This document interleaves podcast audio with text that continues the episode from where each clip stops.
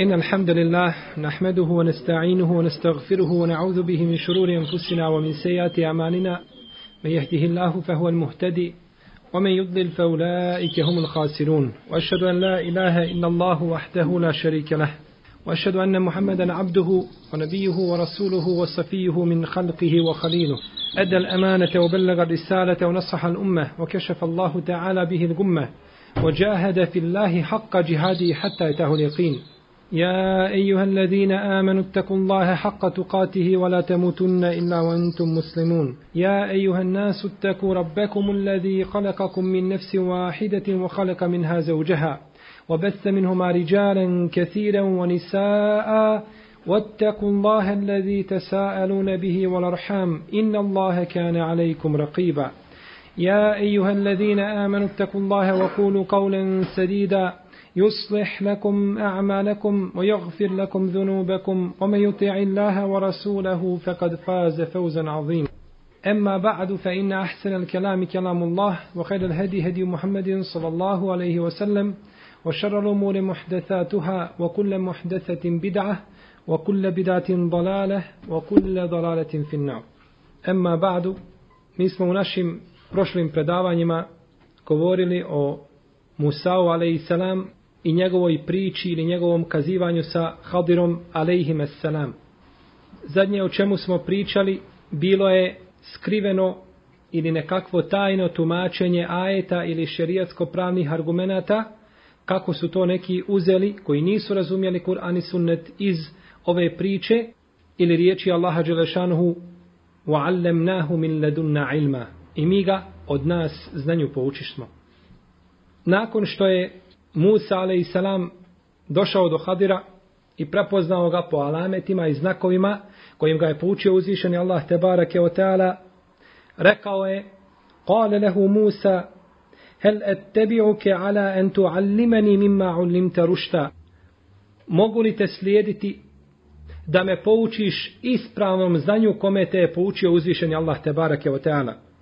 Kale inneke nente stati'a me'ije sobra, kaže njemu Hadir a.s. ti se nećeš moći sa mnom strpiti. Ti nećeš imati dovoljno sabura sa mnom.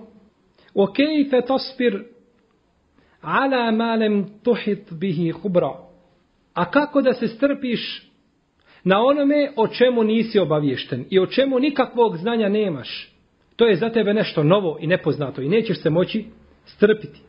Kale se teđiduni inša Allahu sabira وَلَا أَعْصِي لَكَ أَمْرًا Kaže Musa a.s.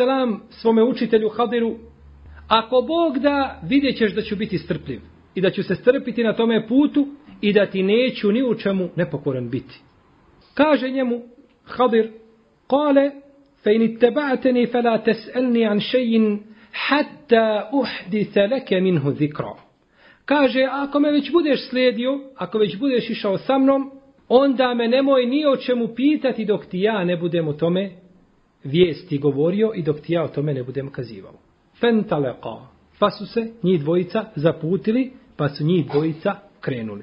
U mojim ajetima koje smo spomenuli, nalazi se nekoliko adaba, što mi kažemo etika, palibul ilma, onoga koji hoće da stiče znanje, koji hoće da se nečemu pouči. Danas muslimani na svu žalost, ne znaju vrijednost uleme i učenih ljudi. I naći ćete od muslimana one koji najviše napadaju na učene ljude i koji ih vrijeđaju i koji su možda razlogom da ti učeni ljudi završe u zatvorima i da njihova tijela truhnu, a to su imami umeta koji mogu da predvode generacije. Pa se nađe od muslimana onaj ko bude sebebom ili razlogom, takav čovjek skonča negdje u tamnici. A učeni ljudi ili ulema jednog društva, oni su glava toga društva. Pa možete misliti kakva je vrijednost toga društva koji radi samo svojoj glavi i koji sam, jeli granu na kojoj sjedi, on je sam sjeće i reže. Možete naći danas razne načine nepoštivanja i pocijenjivanja uleme i učenih ljudi.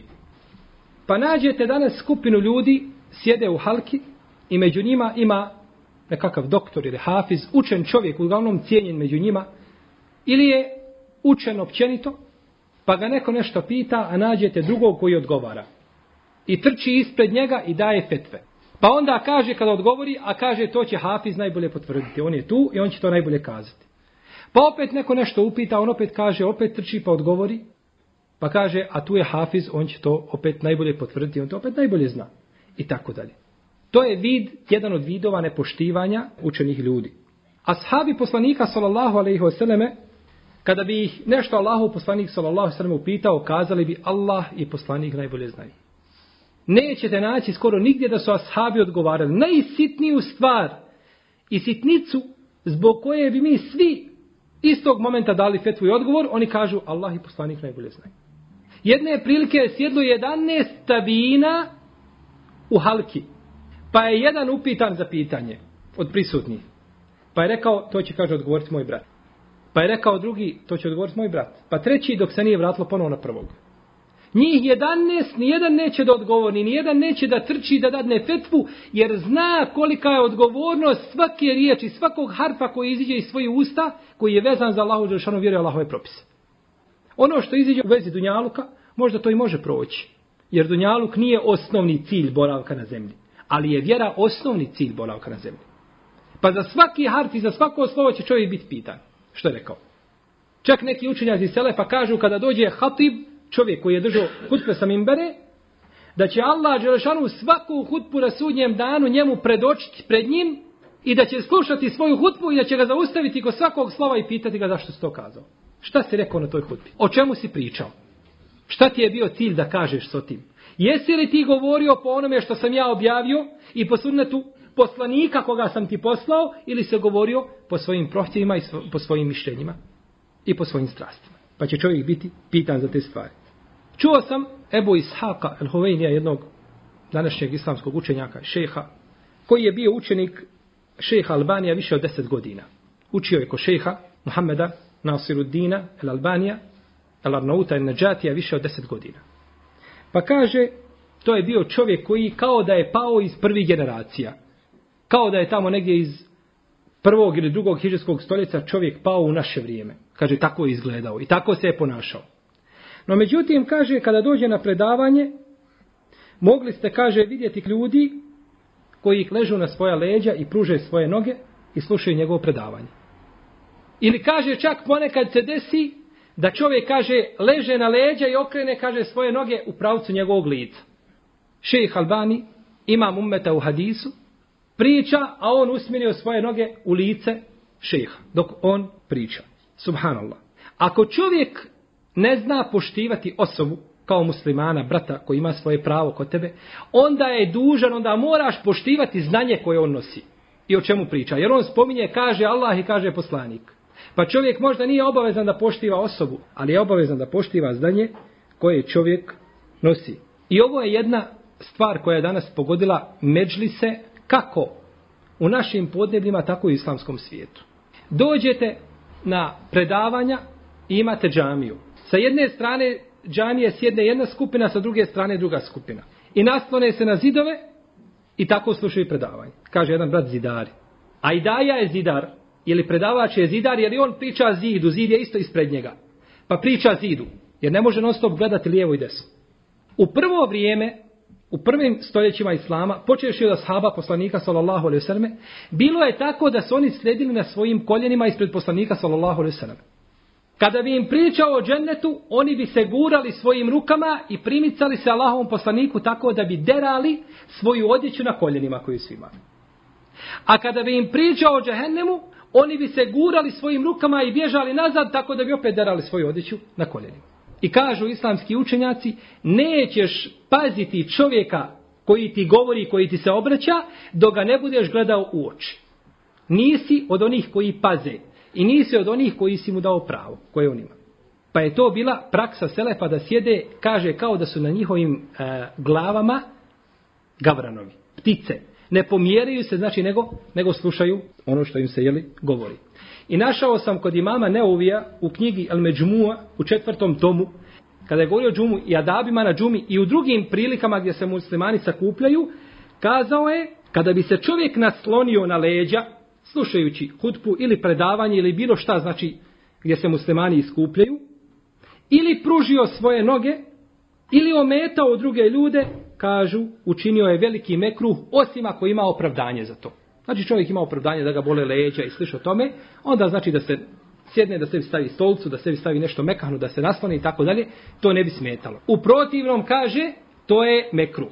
Ovo je knjiga El Međmua Knjiga od imama Neuja je najpriznatija knjiga šafijskog medseba. A kaže Ibnu Kudame El Hambeli u svome dijelu El Mugni u 12. tomu, a ovo je najpriznatija knjiga općenito Hambelijskog medseba. Kaže u njoj u 12. tomu na 34. stranici o emel muru'e, havarimul muru'e, to su stvari ne znam kako da je prevedem doslovno tu riječ, ali to su stvari zbog koje su islamski učenjaci odbijali primanje hadisa od ravija. Kao na primjer da čovjek hoda ulicom, a oslobodio gornji dio odjeće. Znači nema gore ništa na sebi. Pa da hoda ulicom. Priličen muslimanu, iako to nije avret, da hoda ulicom, a gornji dio tijela go, ili da iziđe na pijacu takav, To niko sebi ne bi dozvolio. To je havarimul murue. Stvari koje nisu haram, ali ne doliče muslimanu nikako da to čini. E, ovdje kaže Ibn Kudame al-Hambeli ubrojo je pružanje nogu gdje se muslimani iskupe u bilo kom međlisu, pružanje nogu ubroje u havarimul murue. To su znači one osobine zbog kojih ne bi neko od islamskih učenjaka, poput imamo Buharije, ne bi primio znači hadis.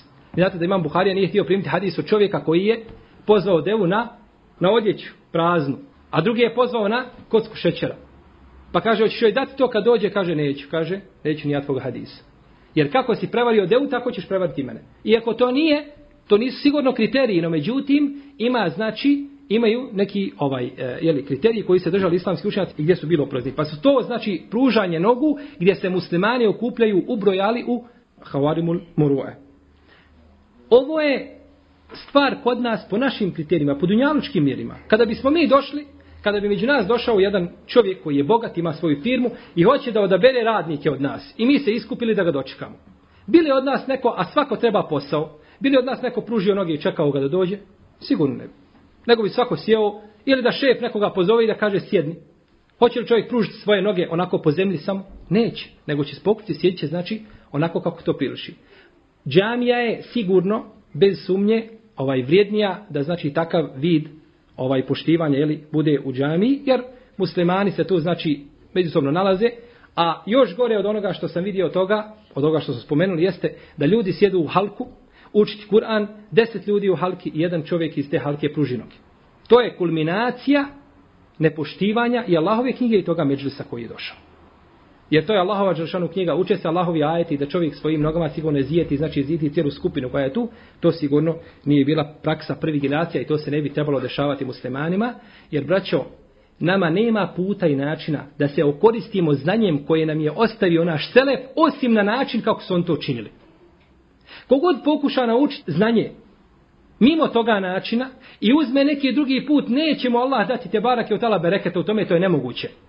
Zato Ebu Hayyan el-Endelusi kaže kada je govorio o riječima Allaha te barake o ta'ala ele arabu je šedu kufrenu onifaka da su pustinjaci najžešći u svome licemjerstvu i svome nevjerstvu kaže li ennehum ma su ala ruke bihim emame ehlil ilmi wa ma ta'allamu jer kaže nisu sjedili na svojim koljenima pred učenim ljudima i poučavali se znanju pa spominje koljena da se sjedi na koljenima pred učenim ljudima i to je bila praksa Selefa, znači da su tako sjedili ispred onoga koji je poučavaju i da su tako slušali znanje. Ovo je, braćo, bio slučaj sa Selefom koji su imali uleme u izobilju. Hiljade uleme u jednom vremenu. Desetine, stotine hiljada. Ako umre jedan, ništa se nije desilo. Odmah dolazi drugi na njegovo mjesto. Umro Ibnu Ujejne, prisutan je Abdullah ibn Mubarek, prisutan je Ebu Hanife. Umro Ebu Hanife, tu je imam Malik, tu je imam Šafija. Umro imam Ahmed, tu je Dare Kutni, To je Ibn Abdul Bar. Uvijek se nekako popuni, jeli, ta praznina. No, međutim, u naše vrijeme nema te uleme. Jedan ili dvojica ili trojica. Kada umre šejh Albani, ko će ga zamijeniti? Kada umre Ibn Usaimin, ko će ga zamijeniti? Kada umre Ibn Baz, ko će ga zamijeniti? Kada umre, umre Abdul Kadir Larnaud, ko će ga zamijeniti? Niko. Ostaje ta rana na islamskom umetu prazni. Pored toga što je u njihovo vrijeme bilo toliko uleme, oni su ih poštivali. U našem vremenu nema te uleme i malo ih je, I pored toga umet ne poštiva te učene ljude, osim onaj kome se uzvišeni Allah te barak je od Allah smilovao i koga je uputio na pravi put. Prenosi se da bi imam Malik kada bi sjedio, imam Šafija, oprostite, kada bi sjedio ispred imama Malika i prevrtao mu vetu, kaže, tako bi je polako prevrtao da ima Malik ne čuje listove od muvete da ga ne bi, kaže, zijetio s otim. Da ga ne bi je zijetio sa listovima i sa prevrtanjem, znači sa listanjem te knjige. A ima Malik bi dolazio kod Šuabe, Šuabe poznati mu hadis, dolazio bi kod njega i sjeo pred vrata i sjedio cijeli dan i cijelo vrijeme dok on ne bi izišao, kad iziđe, e kaže, ja bi te kaže nešto upitao. Nije zvao i nije pokucao na vrata ga da ga nešto pita. Iz poštovanja prema svome učitelju i poštovanja prema učenom čovjeku. A bilo je, poput imama Šuabeta, bilo je u njegovo vrijeme puno. No međutim, pored toga imam Malik ga nije pozivao napolje da ga nešto pitao nego bi ga čekao da iziđe, kaže šta čekaš, kaže da te nešto upitam, kaže uđi, da ručamo zajedno, pa ćeš onda pitati. Ovo možemo uporediti isto tako sa našim stanjem. I ovo, braće, što govorimo, kroz ovo mi je cilj da se popravimo i da popravimo naša stanja, a nije mi cilj da bilo koga blatimo ili da, da se pogrdno korimo i o tome. Ne, nego da popravimo naše stanje. Pogledajte naše kasete koje se snimaju. Većina tih kaseta, kada pogledate njima, vidjet ćete Ili se čuje plać djece, ili se čuje pepsi, ili se čuju telefoni. Jedna od tri stvari način. Nećemo brojati one koji kašlju, što se čuje, čovjek mora kašljati, ako je bolestan kašlj. Vidimo, znači da je velika razlika između dvije generacije. Pa ne priliči čovjeku na predavanju niti da jede, niti da pije, niti, a ja sam svojim očima gledao čovjeka koji jede ćevape na predavanju. To sigurno ne doliči, jer to nije poštivanje, to nije poštivanje znanja, koje se govori i kojim je uzvišeni Allah te barek tara zadužio čovjeka. Ovdje vidimo da je Musa, alaihissalam, kako se je blago i nježno obratio svome učitelju Hadiru, od koga hoće poučiti, jeli da se pouči znanju. Iako je Musa, kako smo prije kazali, bolji od koga? Od Hadira. Jer je Musa, alaihissalam, ako je Hadir bio dobar čovjek, Evlija, Musa, alaihissalam, je vjerovjesnik. A ako je ovaj vjerovjesnik, što je jače mišljenje, o čemu smo isto pričali, onda je Musa a.s. poslanik. A poslanik je bolji od vjerovjesnika. Ako bismo kazali da je Hadir bio poslanik kojim slučajem, a nije, nema tog mišljenja, onda bismo kazali opet je Musa bolji od njega. Jer je Musa a.s. od Ulul Azmi mina Rusul, od pet odabranih poslanika. Pa je u svakom slučaju Musa a.s. bolji od Hadira. Ali pored toga, kaže mu, obraća mu se, kaže, mogu li te slijediti? hel ettebi'uke ala en tu'allimani mima ulimta rušta. Jesi li zadovoljan? Pristaješ li? Slažeš li se da te ja slijedim da me poučiš ispravnom znanju kome te Allah poučio? Pa mu se je znači obratio na najljepši način, ne bi li on prihvatio da Musa a.s. putuje sa njim. Dobro, zbog čega se Musa a.s. blago obraća prema Hadiru? Poučava nas kako da se obraća prema čovjeku od koga hoće da se pouči. Zato što je Hadir u ovome segmentu bolji od Musa a.s. Jer ima znanje koga nema Musa a.s. I tu je bolji od Musa a.s. I može ga poučiti nečemu. I jedan arapski, zlatni arapski primjer kaže Men allemeni harfen sirtu lehu abden. Kome pouči jednom slovu, ja ću mu biti rob. I ovo, ko bi razumio ovaj primjer i razmislio o njemu, vidjet će ispravnost ovoga primjera. Kome jednom harfu prouči, pouči, ja ću mu robovati. Ne u smislu obožavanja, nego u smislu robovanja. Radit ću kako on kaže. Biće po njegovoj. Njegova će biti gornja. Jer me je poučio jednom harfu, a čemu me čovjek može vrijednije pušiti na ome svijetu od jednog harfa, odnosno od čitanja pisanja, to jeste od znanja. Kul hel jeste u illedine ja'lemun, u illedine la ja'lemun, reci mogu li se poistovjetiti onaj koji zna i onaj koji ne zna. Nikada se takvi ne mogu poistovjetiti. I zato je uzvišen Allah Tebarak je Otala učinio učene ljude u lemu da svjedoče njegovom Tebarak je Otala vahdanijetu, njegovoj jednoći. Kaže uzvišeni, šehid Allahu ennehu la ilaha illa huve, wal melaiketu wa ulul ilmi qaimen bil qisto. La ilaha illa huve la azizul hakim. Ko svjedoči? Svjedoči je Allah Želšanu i svjedoče meleki i učeni Allahu i Tebarak je Otala jednoći. Kaže uzvišeni, fa'lem ennehu la ilaha inna Allah. Znaj da nema drugog Boga osim Znaj. Znaj pa onda da nema drugog Boga. Pa je znanje stavio ispred čega? Ispred teohida. Jer je to ispravno, jer je to znači ispravno shvatanje Allahove te barake od tala jednoće.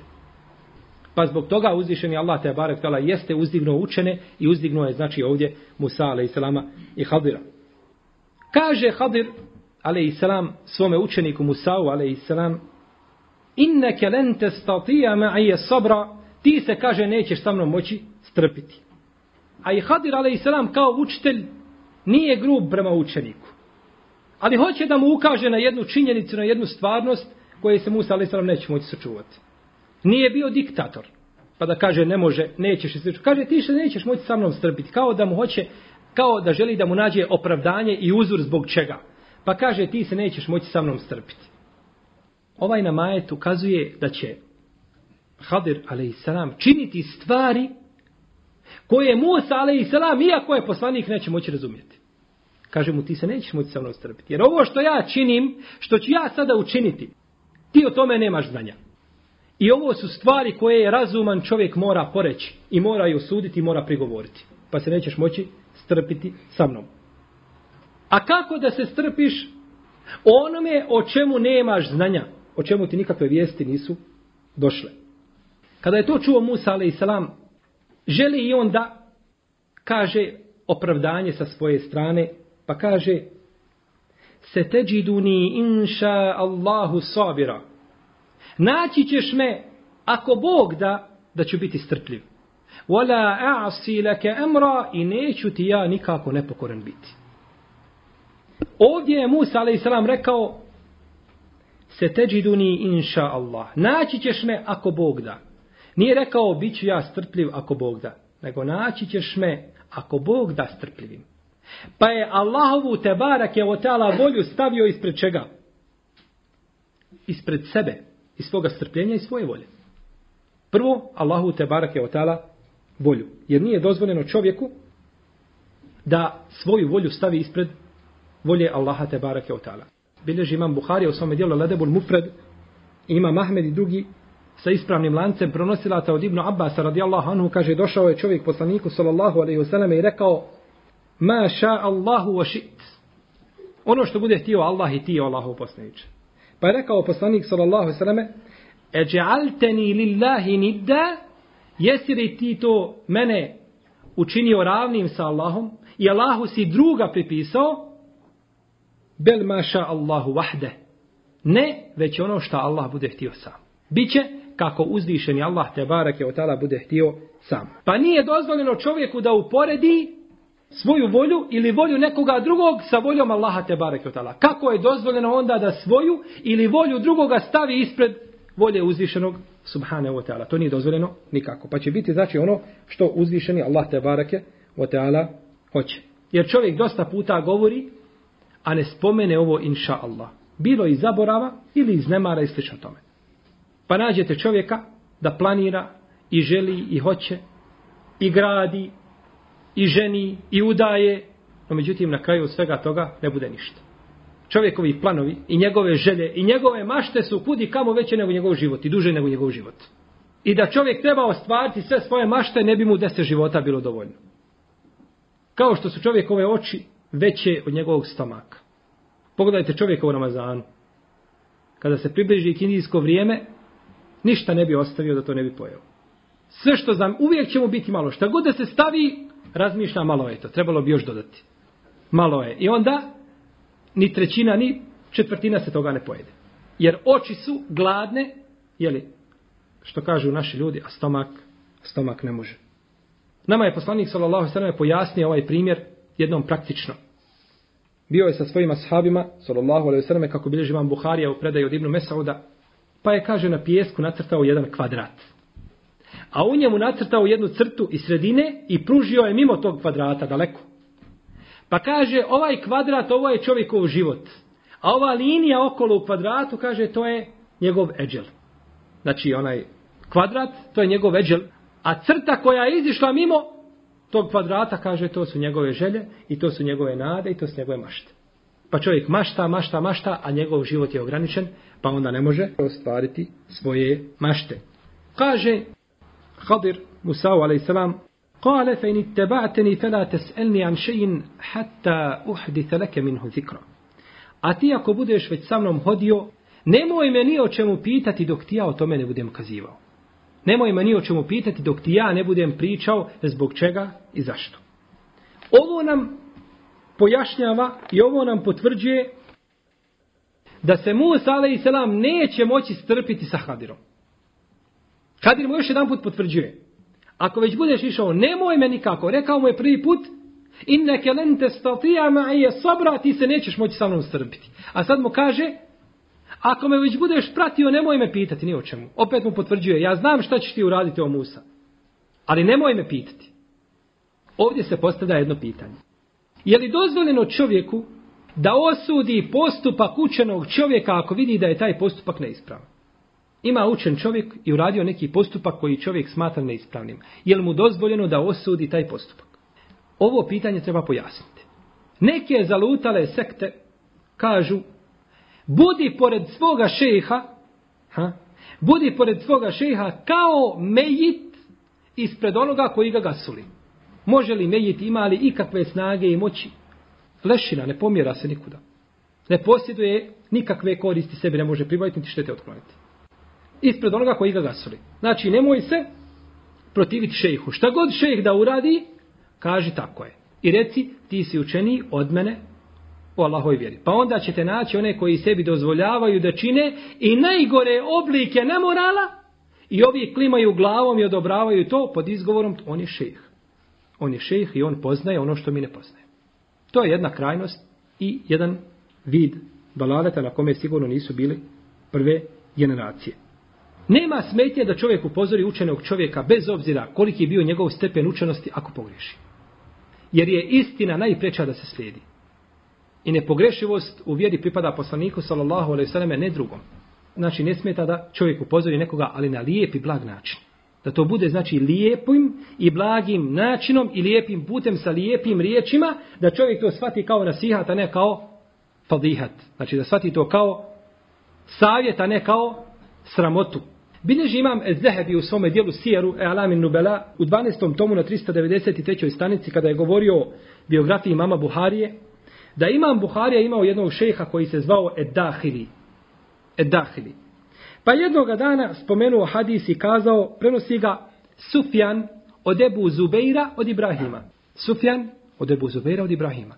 Pa kad je to čuo imam Buharija, kaže, profesore, kaže taj hadis ne prenosi se tako. Već taj hadis prenosi Sufjan od Zubeira ibn Adija od Ibrahima. Znači nije Ebu Zubeir, nego je Zubeir ibn Adi, a to su dva različita čovjeka. Ali se lahko pomiješaju zbog sličnih imena. Pa mu kaže ovaj Eddahili, jel ti se to kaže meni suprostavljaš? I ome što sam ja kazao? Pa kaže, irđija ina aslik. Idi se, kaže, vrati na svoju knjigu, onu koju imaš tamo u biblioteci, glavna knjiga, osnova, Ono što je čitao bila je kopija. Prepisao rukom. Idi se, kaže, vrati na svoju knjigu, kaže, pa ćeš vidjeti. Pa je, kaže, ušao u svoju kuću i, kaže, nakon izvjesnog vremena izišao.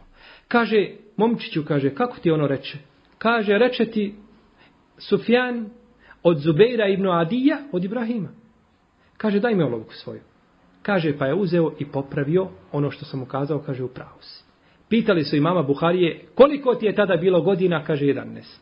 11 godina dječak, ali pogledajte Edeba i načina. Kada mu je rekao nije tako, nije se raspravio sa njim, nego kaže, ovo sam ja naučio od tebe. Ti si moj šeh i ti si me poučio ovome. Idi, vrati se pa pogledaj. Pa se je vratio pa vidio da je pogrešio. Pa nije bio Ebu Zuber od Ibrahima, nego je bio, znači, Ezuber ibn Adi od Ibrahima. Pa je Buharija, ili selam, pa je Buharija, radi Allahanhu, na najljepši način, znači, ukazao svome šehu na grešku koju je počinio i nije smio prešutati jer je to din i to je vjera i ne smije se ničija greška preštutati, ali znači ima put, ima način kako da se ukaže na dotičnu grešku. I spominje se od Nuajma ibn Hamada, a on je jedan od šehova i mama Buharije, da mu je rekao Jahja ibn Ma'in, nakon što je ovaj spomenuo Nuajm ibn Hamad, spomenuo jedan hadis, pa mu je rekao, kaže, nije tako, već je, kaže, već je ovako. Kaže, pa je ušao u svoju kuću, i pogledao u osnovi, u knjigu u svojoj jeli koji je pisao hadise, pa je vidio i kaže, izišao napolje, rekao, Jahi ibn Ma'inu, a on je bio suvremenik imama Ahmeda, kaže, ko je taj ko kaže da ti nisi emirul mu'minine fil hadis? Da ti nisi imam pravovjernih u hadisu. Imam pravovjerni u hadisu. Tako imam muslim radio. Jedne prilike kada je spomenuo hadis imam muslim, imam Buharija ga je popravio. Pa je ustao imam muslim i poljubio ga, u glavu i kaže pusti me, kaže da ti poljubim tvoje stopalo, kaže ja, kaže nikad u životu svome, kaže nisam vidio učenijeg čovjeka od tebe i kaže ti si vladar pravovjernih pravovjernih hadisu. Pa ima muslim posjedočio svome učitelju imamu Buhari, znači na njegovoj znanosti u hadiskoj nauci.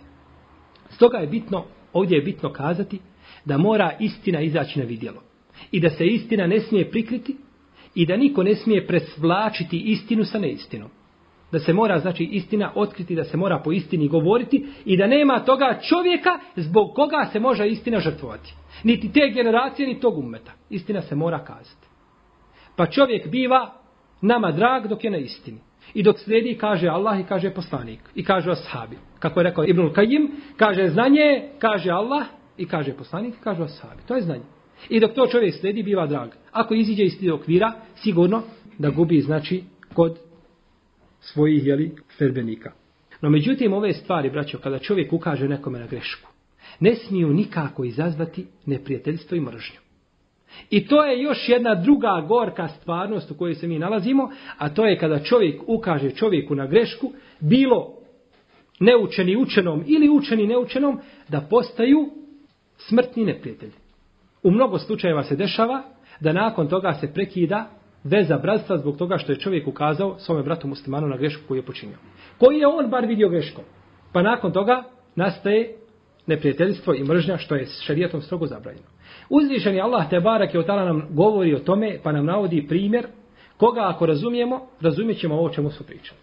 Kaže uzvišeni Allah te barak je od tala Femen ufije lehu min ehihi še'un.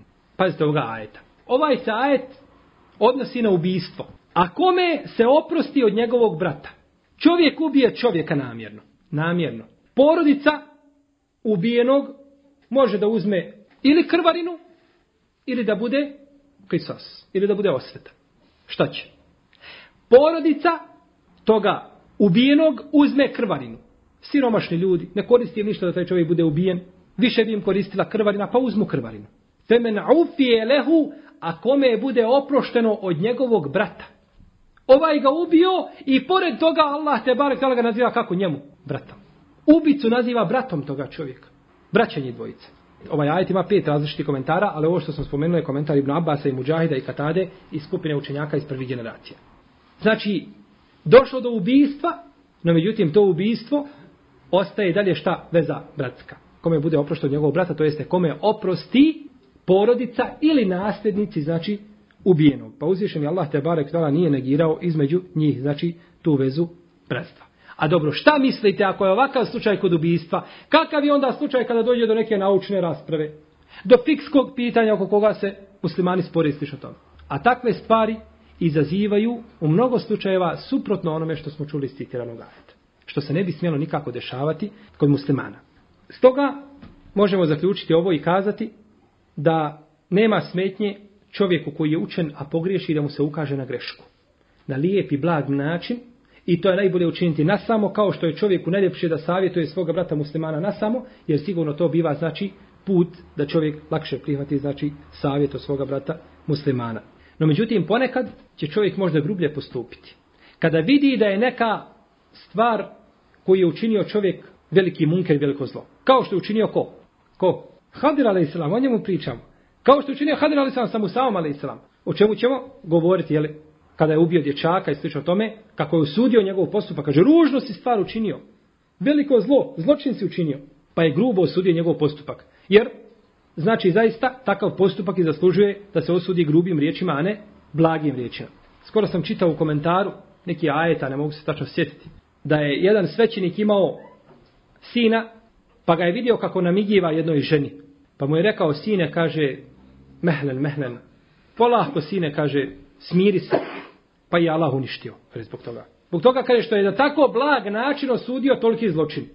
Ovaj hoće da počini ono što je Allah što zabranio, a ovaj mu to osuđiva kao da je on kazao neku sitnicu ili učinio neko sitno djelo.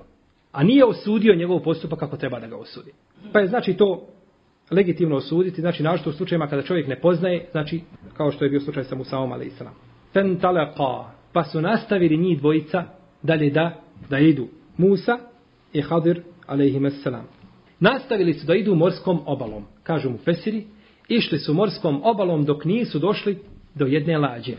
Pa su se obratili kormilaru ili kapetanu te lađe, nazovite ga kako hoćete. Pa kada je progovorio Hadir a.s. poznao ga je ovaj čovjek. Poznao ga je i pristali su da ih povezu njih dvojicu bez naknade. Uzeli su da ih povezu bez naknade, nisu od njih ništa tražili. Kada su ušli u tu lađu, uze Hadir a.s. jednu alatku koja se zove Kadum. Kadum, alatka sa kojom se kaže, kako bilježi imam Buhari u svome sahihu, da se osunetio sa njom Ibrahim a.s. Obrezao se sam sebe, obrezao kada ima 80 godina sa tom alatkom. Neki kažu da je to može biti sa Kadumom i u Kudumu. Kaže, ako je u Kudumu, onda je to mjesto se zvalo Kudum. Ako je sa Kadumom, onda je alatka. U svakom slučaju ome se navodi ovdje da je uzeo kadum i znači jednu dasku odvalio sa te lađe. Kada je to vidio Musa ala islam, naljutio se i oštro osudio njegov postupak i kaže mu Kale, harektaha li tugrika ehleha, lekad džite šejen imra. Jesi li, kaže, tako uradio, da bi se ljudi ovi na ovoj lađi potopili, kako si ružnu i kako si veliku stvar učinio.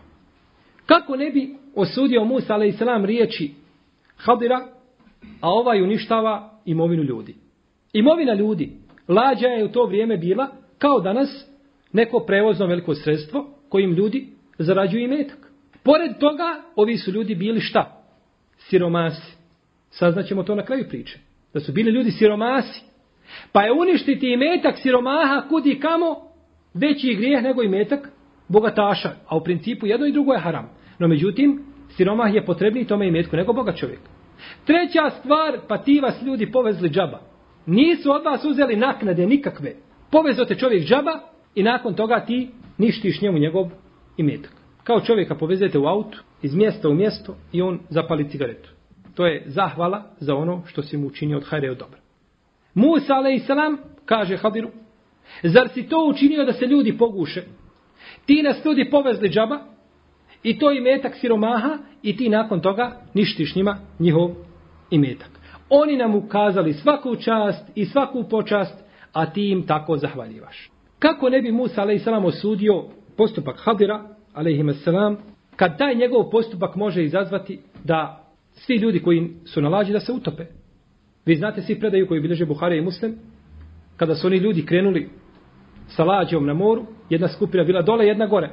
Pa uvijek ona što je bila donja izlazila gore da uzmu sebi vode. Pa kažu jedan put što mi ne bismo sebi probušili ovdje jednu rupu, pa imamo dovoljno vode. Imaće i previše tada. Probušimo sebi jednu rupu i možemo se koristiti. Nemamo potrebe da izlazimo uvijek na palubu. Pa kaže poslanik sallallahu alejhi ako oni od ozga ne osude njihov postupak dole u gušće svi. Pa hoće kazati uz šta? Suho gori i sirovo. Pa kaže Musa alaih salam, zar si kaže tako učinio, kaže da se svi ljudi poguše. Pa je Musa alaih salam ovdje a, kazao razlog ili sebe zbog koga je osudio njegov postupak. Li to grika ehleha. Zbog potopa ti ljudi, ja govorim ne zbog sebe, nego potopit ćeš te ljude. A ubiti mu'mina, čovjeka muslimana je kod Allaha Đelšanu jedan od najtežih grija. Kaže poslanik sallallahu alaihi sallam u hadisu koga bideži imam Ibn Mađe, sa lancem prenosilaca za koga Imam El Munziri kaže da je dobar od El Bera ibn Aziba, od poslanika sallallahu alaihi vseleme, le zevalu dunija ehvenu ana Allahi min katli mu'minin bi gajri haqin. Nestanak dunjaluka i prolazak cijelog dunjaluka, njegovo uništenje je manji grijeh kod Allaha nego da ubiješ mu'mina bez prava i bez hak. Cijeli dunjaluk i kjaba sa tim dunjalukom. Čast jednog mu'mina i njegov život je veći kod Allaha te barake i to je čast koja pripada samo mu'minu ne drugim ljudima. U svakom slučaju o haku, o nepravednom ubistvu, inša Allah, govorit ćemo više narednog puta iz sunneta poslanika, sallallahu alaihi vseleme, kada budemo spominjali ubistvo onoga dječaka od strane Hadira. Pa ćemo spomenuti, inša Allah, skupinu hadisa koji nam ukazuju na pogrdu i na zabranu i koliki to grijeh kod Allaha te barek dala da čovjek ubije čovjeka bez prava, da čovjek ubije našto čovjeka mu'mina bez prava i bez haka. Ovdje se postavlja često jedno pitanje. A to je, da li čovjek, kada ubije čovjeka, da li ubica preuzima sve grijehe od ubijenog? Da li ubica preuzima sve grijehe od onoga koga je ubio? Ispravno je po ome pitanju kod islamskih učenjaka da čovjek koji ubije drugog čovjeka, da ne prihvata njegove grijehe. Neće, znači, njegovi grijesi biti njemu za vratom na sudnjem danu. Ima hadis koji se spominje, u kome se kaže ma terake al qatilu ala al maktuli min zemb. Nije ubica na ubijenom ostavio nijednog grijeha. To jeste sve grijehe svoje, sve grijehe njegove stavio sebi za vratno. Međutim, ovaj hadis, kako kaže Ibn Kesir u svome tefsiru, nema osnove, nema lanca prenosilaca na koji bi se, na koji bi se mogli osloniti. Može biti da uzvišeni Allah Đeršanu zbog bola koga je podnio ubijeni i zbog nepravde koja mu je učinjena da mu oprosti grijeh. To može biti. No međutim, da se ti grijesi spale ome drugom navrat, neće biti tako. Može biti druga stvar. Da ubica ili da ubijeni uzima od dobrih dijela ubice zbog toga što ga je ubio. Pa kada mu nestane dobrih dijela, onda svoja loša dijela stavlja njemu na, na njegov račun. Može biti to. Ali da on prihvati jednostavno njegove sve grijehe, da to nema pouzdanog argumenta. Kaže Musa alaihissalam ovdje osuđivajući riječi Hadira alaihissalam zar ćeš, kaže, tako nešto učiniti da se ljudi pokuše? Ljudi nam ukazali svaku čast, a ti tako postupaš i ti im se tako revanširaš. Zar nije u našem, a i u drugim šarijatima je to bio slučaj, kako kaže poslanik sallallahu alaihi sallame, u hadisu koga bilež imam Ahmed, imam Nesaj, Ebu Davud, sa ispravnim lancem prenosilaca, kako kaže imam Neuvi ili Raki, imam El Hakim i Tehebi i drugi, u ome hadisu stoji, men sane ajdejkum ma'rufan fe kjafi uhu, Ko vam učini neko dobro, vi mu se revanširajte. Ovi su ljudi učinili veliko dobro Hadiru alaih salam i Musao. Povezli ih na to naučno putovanje njih dvojice bez naknade. Pa im se Hadir revanširao na jedan čudan način. Na jedan način koji bi sigurno zdrava logika osudila. Jeste zbog toga tako postupio. A u predaji koju bileži imam Tirmizi, imam Ibn Hibban, stoji Men sunja ilaihi ma'rufun fa qala li fa'ilihi jazakallahu hajra fekad eblega fitsena. Onaj kome neko učini, ili onaj kome se, kome se učini dobro djelo, ovdje je došlo u pasivu hadisu, kome se učini dobro djelo, ili kome bude učinjeno dobro djelo, pa kada reče onome kome mu je učinio dobro djelo, džezak Allahu hajra, Allah te nagradio dobrom, on mu se je odužio, ili lijepo je postupio, ili lijepo mu se je zahvalio. U jednoj verziji ovih hadisa stoji, a ako čovjek ne može naći Kako da se oduži čovjeku koji mu je učinio dobro, kaže se neka mu dovi. Neka mu dovi dok ne osjeti da mu se odužio. Jer čovjek ako ti učini neko dobro, on ima svoje pravo kod tebe. Pa si onda dužan da mu se na neki način revanširaš. Pa gdje je onda postupak Hadira a.s. od ovih hadisa i od ovih dokaza? A ovo je vrijedilo za sve šarijate. Ovo su fadileti i vrijednosti koje su vrijedile za sve šarijate. Gdje je postupak Hadira a.s od ovih hadisa. Kudi kamo daleko. Pa zbog toga Musa a.s. jeste osudio njegov postupak. Poznajući, poznajući znači te stvari. Došlo je u vjerodostojnoj predaji koju bilježi imam Tirmizi, Ebu Daud, imam Mahmed ibn Hibban, od Ebu Horeira radijallahu anhu da je poslanik sallallahu alaihi sallam rekao La ješkurullahe men la ješkurun nas. Nije zahvalan Allahu onaj ko nije zahvalan ljudima. Subhanallah. Ovaj hadis u sebi krije velike mudrosti nije, neće čovjek biti zahvalan Allahu dok ne bude zahvalan ljudi. Gdje je postupak Hadira a.s. od ovoga hadisa? Zahvalnost pripada da mu se revanširaš na isti način. Ili bar da mu doviš. Ili da mu kažeš da zaki Allahu hajra. A nije znači da uništiš njegov imetak i da uništiš njegovu imovinu. Jer je poslanik s.a.s. rekao, od Isu koga bilježi vam Nesaj od Ibnu Mesauda koji je vjerodostojen, prvo zašto će se na sudnjem danu poravnavati računi jeste za krv za prolivenu krv. Prvo zašto će čovjek polagati račun je šta? Namaz. To je između njega i gospodara. Ali što se tiče ljudi i njihovih prava jednih prema drugima prvo zbog čega će se poravnavati, izjednačavati računi i izmirivati jeste prolijevanje krvi. Prolio si krv nevinu, moraš zbog toga moraš zbog toga biti znači kažen i moraš zbog toga dati hak i pravo onome kome si prolio njegovu krv. Pa to i jeste bio znači jedan od razloga zbog koga je Musa a.s. osudio, osudio postupak Hadira a.s. Pa kako nakon svega toga da Musa a.s. ne bude ljut i da ne osudi, znači postupak, da ne osudi postupak svoga učitelja. Nakon što je osudio njegov postupak, kaže mu Hadir ali i selam, jesam li ti rekao da se nećeš strpiti? Zar te nisam upozorio da ti nećeš moći se strpiti na onome što ćeš vidjeti i na onome što ćeš čuti? Jer ovo je stvar o kojoj ti nemaš nikakvog znanja. Ovo je stvar o kojoj ti nemaš nikakvog znanja. Pa je Musa, ali i selam, nakon što mu je to rečeno, sjetio se šta je obećao, pa je rekao La tu ahizni bima nesitu, wala tu min emri usra kaže, nemoj me koriti zbog onoga što sam zaboravio i nemoj mi u ovome našem naučnom putovanju nikakve poteškoće praviti i stvar. Pa je znači, Musa a.s. sjetio se onoga što je obećao svome učitelju. Fentaleqa. Pa su nastavili njih dvojica ići. Nastavili su Musa i Hadir a.s. znači ovo svoje naučno putovanje, a mi ćemo inša Allah u našem narednom predavanju ponovo se družiti sa Musaom, i Hadirom, alaihim assalam, i vidjeti, znači, ono što se je dešavalo nakon probijanja lađe i vidjet ćemo koristi koje možemo izvući iz ove priče, moleći uzvišenog Allaha te barak i onala da nas pouči našoj vjeri, da nas pouči sunnetu poslanika sallallahu alaihi wasallame, da nas učvrsti na istini dok ga nesretnemo azze ođelle i da nas spoji u džennetu sa poslanikom Muhammedom sallallahu alaihi wasallame iskrenim dobrim i šehidima, a divni su oni društvo. Allahu te ala alem, wa sallillahu me ala nebina Muhammed, wa ala alihi wa ashabi ajma'in, Ođezakum Allahu hajra.